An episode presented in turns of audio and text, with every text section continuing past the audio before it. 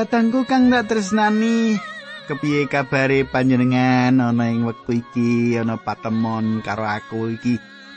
Aku pendeta panjenengan bunga banget dening wanci iki. Aku bisa ketemu karo panjenengan aku pendeta Pujianto matur nuwun pandonga panjenengan kanggo aku sak keluarga lan pelayanan-pelayananku. Kang panjenengan tungake mula tambah dina tambah maju.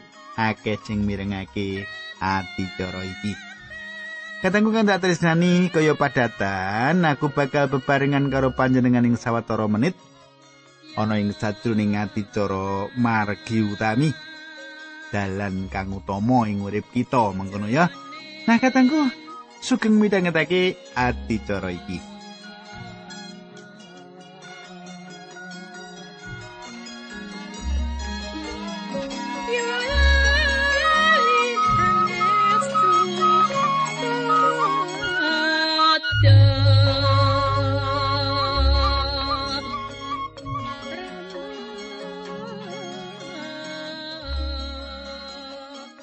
Katanggu apa panjenengan isi kelingan apa sing diaturake kepungkur kae? Mboten, Pak. Iya kok ora kelingan iki to. Panjenengan kita jak sinau kawruh kasukman supaya panjenengan dadi wong Kristen sing kuat dari malah ora kelingan iki piye. Tak beleni ya. Ing patemon kita kepungkur kita wis nyemak kepiye Naomi menehi pitutur marang mantune loro supaya bali marang bangsane. Lan Naomi bakal bali menyang Bethlehem maneh banjur kepriye teruse perangan iki. Nah, kita bakal nyemak ing patemon iki nanging sadurunge kuwi arep ndedonga dhisik. Nanging sadurunge ndedonga aku ngaturake salam ya, ngaturake salam dhisik marang Ibu Suwarti. Ibu Suwarti kula remen sanget Pak Puji. Ngaten nggih. Serati mirengaken menapa ingkang panjenengan andharaken kathah sanget ingkang waunipun dereng kula mangertos. Nanging sakmenika kula mangertos. Sinau sampun dangu nderek Gusti Yesus nanging tasih kemawon kathah perkawis ingkang dereng kula mangertosi. Ah, matur nuwun sanget kula kathah pikantuk kawruh kasukman. Aduh. Panci ngeten kok Bu Suwarti menika menawi panjenengan ngatosaken kawruh kasukman niku dipun andharaken wonten ing adicara margi utami menika. Nggih. Terus menawi panjenengan menika badhe sinau kitab suci wis ngerti. Ah, lara-larae mengkini. Ngaten lho nggih. Nah kadangku monggo kita ndedonga sesarengan. Duh Kanjeng Rama ing swarga. Serat saking Ibu Suwarti menika ndadosaken kawula saestu-estu pilih adicara menika saestu dipun betahaken dening sanak katang kawula saking menika kawula pasrahaken sedaya derek kawula ingkang sesarengan kalian kawula midhangetaken adicara menika wonten ing asta paduka linambaran asmanipun Gusti Yesus Kristus kawula netunggal haleluya. Amin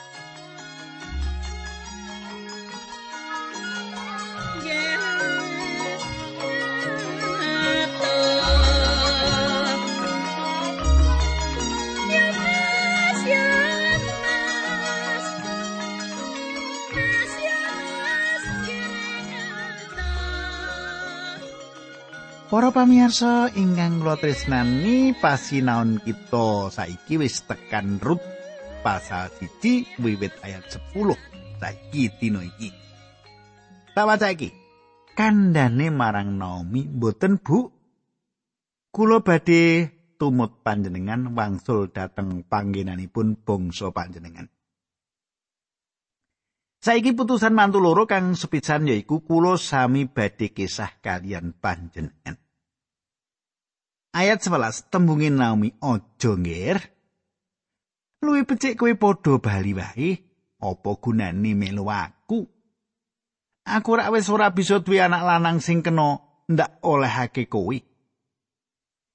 Katangku panjenengan semak paugerane Musa maratelake nalika wong lanang mati.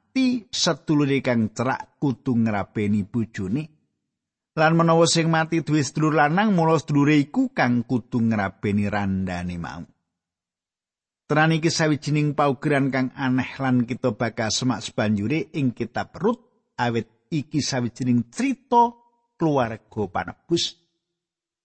Ana kene Naomi ngandhakake apa kang sak benere menawa kowe kabeh melu aku, kowe kabeh ora bakal rabi meneh. Bangsaku ora bisa nampa kowe kabeh larang banget kang kudu kok bayar. Kowe kabeh bener-bener dadi wong kang kabuang awit bangsaku ora srawung karo wong Moab. Saiki diterusake ayat rolas. Podo mulya wae. Sebab aku wis tuwa, ora bakal omah-omah meneh lan saupama aku dina iki kawin meneh lan duwe anak lanang. Datangku tak punggel semene dhisik. Kaya mengkono Naomi mituturi mantu-mantune supaya tetep manggono ana ing tanah dhewe. Supaya mantune loro mau manggono ana tanah dhewe. Kandhane Naomi cetha banget. Naomi kondo malah menawa aku duwe luwih akeh anak lanang. Kang ora bakal dumadi nanging menawa aku duwe apa kowe kabeh gelem ngenteni anak-anakku mau nganti dewasa.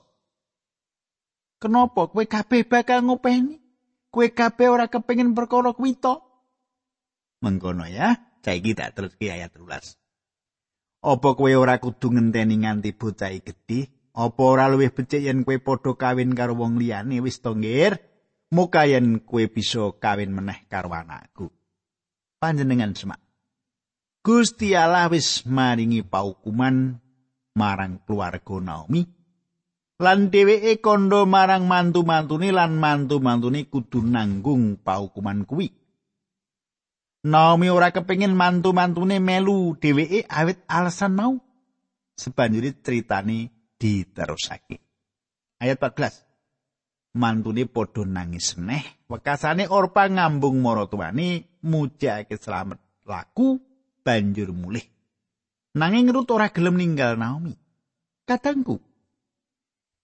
Saiki kita tekan nalika pepisahan. Saumpama panjenengan lan aku ing dina iku ndeleng wong wadon telu iku lagi nangis ing kono.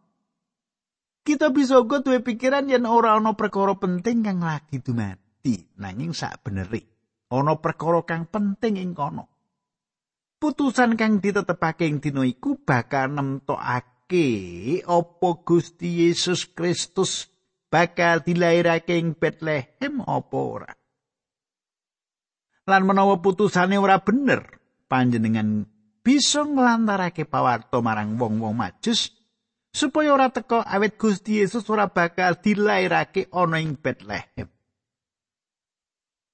Prakara iku bisa katon ora patiya penting kanggo kita, nanging sawijining putusan kang ngedapi-dapi wis ditetepake. Kita nyemak Orpa ngambungi Naomi, nanging Ruth terus ngrangkul Naomi. Orpa bali lan ya iki kang dikandhakake Naomi. Ayat 15 Naomi banjur kondo mengkene, "Nduk, Orpa wis mulih. Bali menyang panggonane bangsane lan brahala-brahala sesembahan. Apa ora luwih becik kowe ya melu mulih? Katengku kang ditresnani Gusti. Orpa mutusake yen dheweke bali, bali mulih. Putusane marang Gusti Allah ora dadi kasunyatan. Putusan manembah marang Gusti Allah ora dadi kasunyatan. Orpa bali marang anggone manembah braholo. Orpa bali anggone manembah marang braholo. Dheweke bali kita ora krungu kejenenge meneh disebutke. Kita ora tau krungu meneh jenenge disebutke.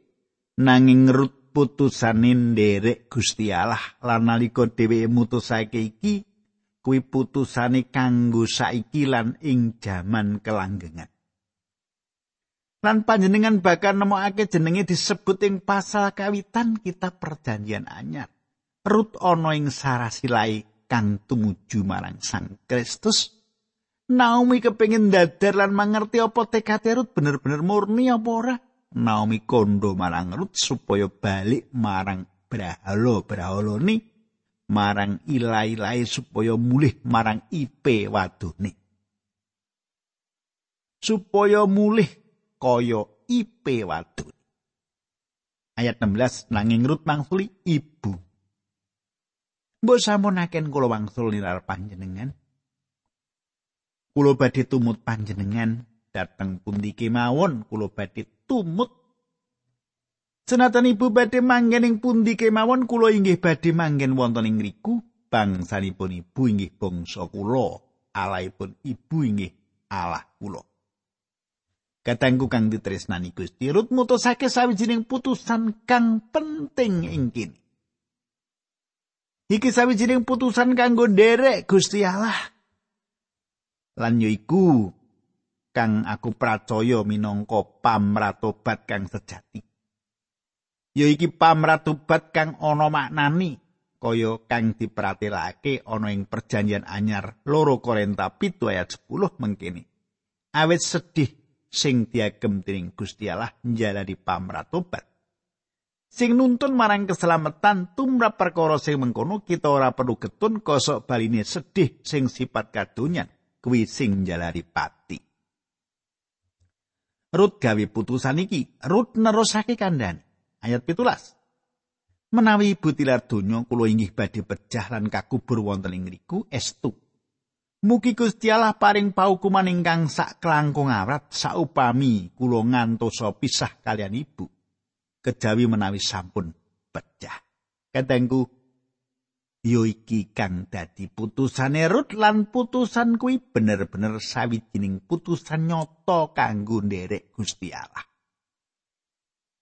Aku kepingin panjenengan gatekake perkara iki awit perkara iki penting banget kanggo jaman saiki nalika wong-wong pracaya masrahake awake marang Gusti Allah lan wong-wong pracaya mau janjekake akeh prakara marang Gusti Allah. Nanging wong-wong mau ora nindakake. Apa kang kita butuhake saiki ya ku wong-wong kang gawe putusan kang nyata kunjuk Gusti Allah. Putusane Rut yaiku putusan kang kaya mengkono kuwi. Kang kawitan Rut kondo dateng pundi kemawon kula badhe tumut Kadi tembung liya dheweke kandha karo Naomi kula sampun mutusaken kisah kalian panjenengan lan kula badhe kisah kalian panjenengan. Lajeng ingkang kalih saking putusan Rut inggih menika senatan ibu badhe manggen ing pundi kemawon kula inggih badhe manggen wonten ing riku. Kadi tembung liya Rut ora mung bebarengan karo Naomi nanging dheweke uga bakal nyerahake, nyerakake awake karo Naomi. Katengku Rut saiki nanggung jeneng kang padha dikaya dheweke wis ngrabeni anak lanange Naomi. Dheweke bakal terus ana sesambungane karo Naomi. Pratelane kang kaping telu yaiku bangsanipun ibu inggih bangsa kula. Kula nyupekaken bangsa kula, bangsa ingkang manembah brahala lan kula badhe nyaketaken badan kula kalian umat Allah. Panjenengan ora bisa gawe keputusan kanggo Gusti Allah kejaba panjenengan nyerakake badan panjenengan karo umat Allah. Lan panjenengan semak ora bakal panjenengan nindakake perkara kang kosok baline. Saiki aku bisa nerangake kenapa perawan kang jenenge Rut iki gawe putusan gelem rabi karo wong kang ora sehat kang teka ning papan panggonane kang teka saka kutha Bethlehem. Kang kawitan pisan dheweke krungu bab Gusti Allah kang gesang lan nyekti Rut ketemu karo keluarga kang wanuh Gusti Allah kang yekti lan gesang. Pratelo kaping papat, Allahipun ibu inggih Allah kula. Kadangku bener-bener gawe sawijining putusan kang gedhe lan ora mung kuwi wae. Pratelo kaping 5, menawi ibu tilar donya kula inggih badhe pecah lan kakubur wonten ing riku. Kadangku iki luwih mawa teges kanggo Rut ketimbang prakara iku kanggo panjenengan lan aku. Pratelo kang kaping 6 yaiku pangajeng-ajeng ngipun Israel inggih menika ingkang dados pangajeng-ajeng kula.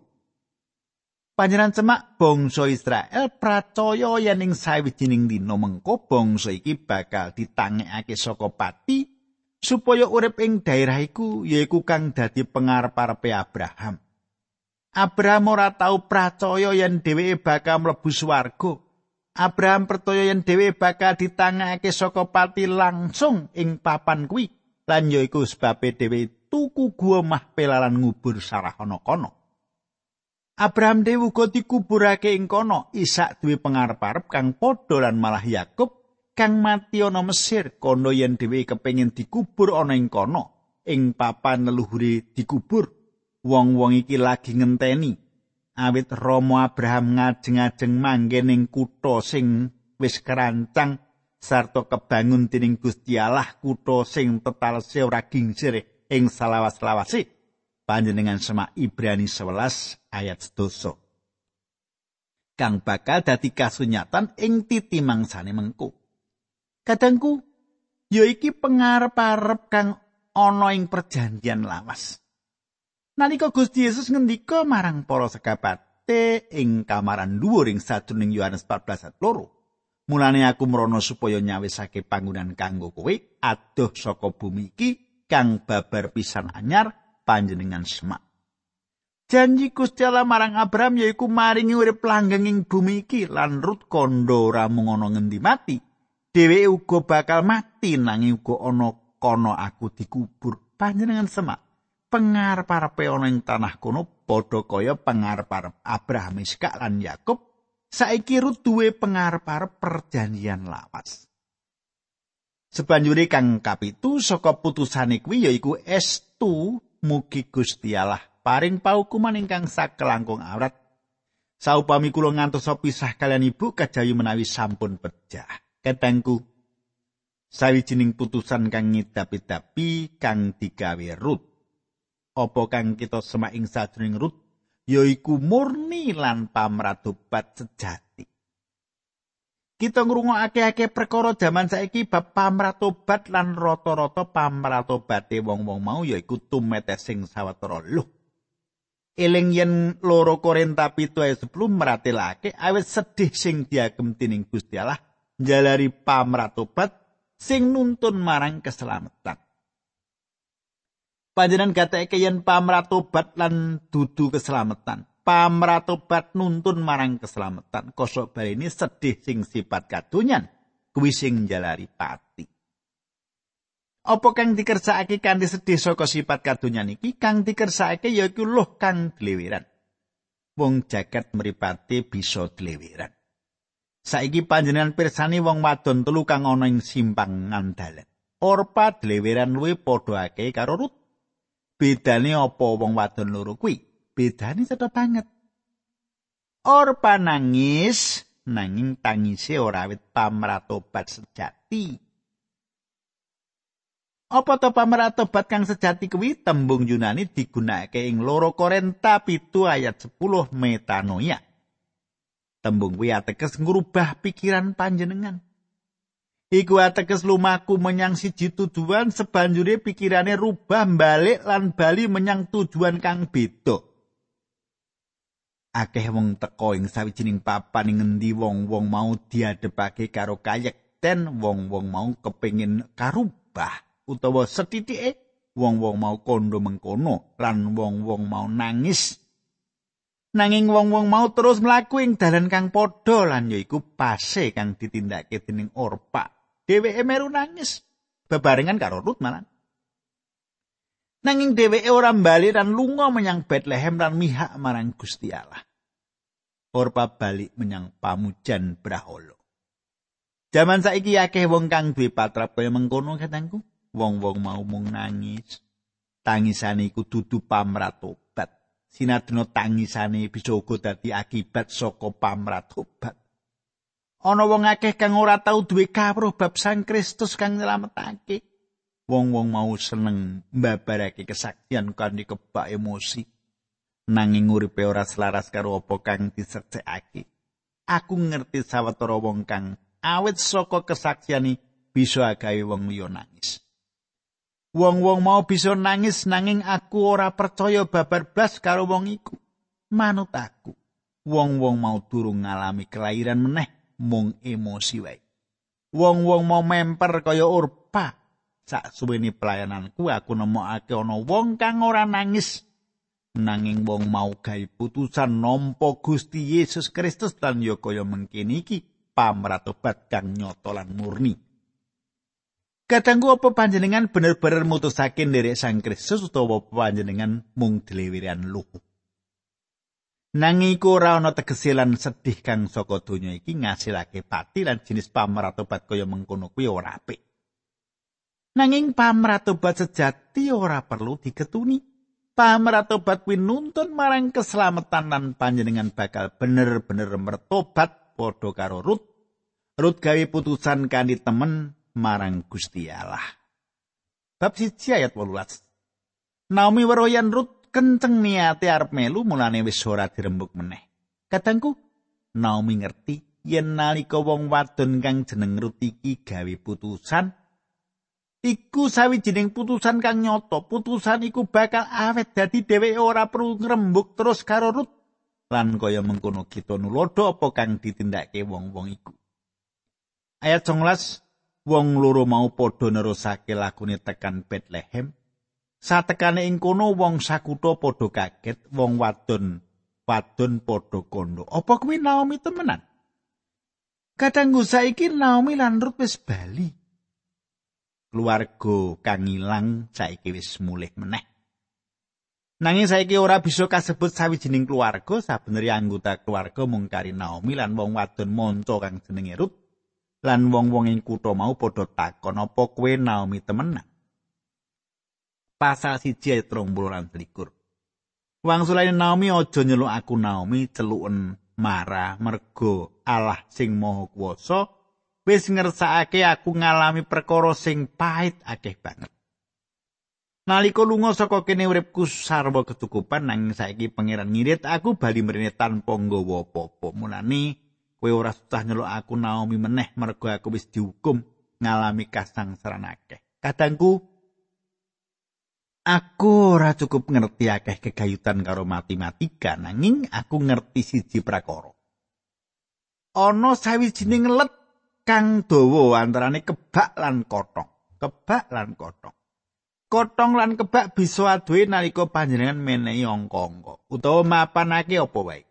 ing tangan siji kosong ing tangan liya kebak Naomi lunga ing sadurunging kahanan kang kebak lan saiki dheweke bali ing kahanan kang kotong Menawa panjenengan dadi putrane Allah katangku mula panjenengan wis diberkahi karo kabeh berkah kasukman lan panjenengan duwe sawu barang ing sadurunging Sang Kristus.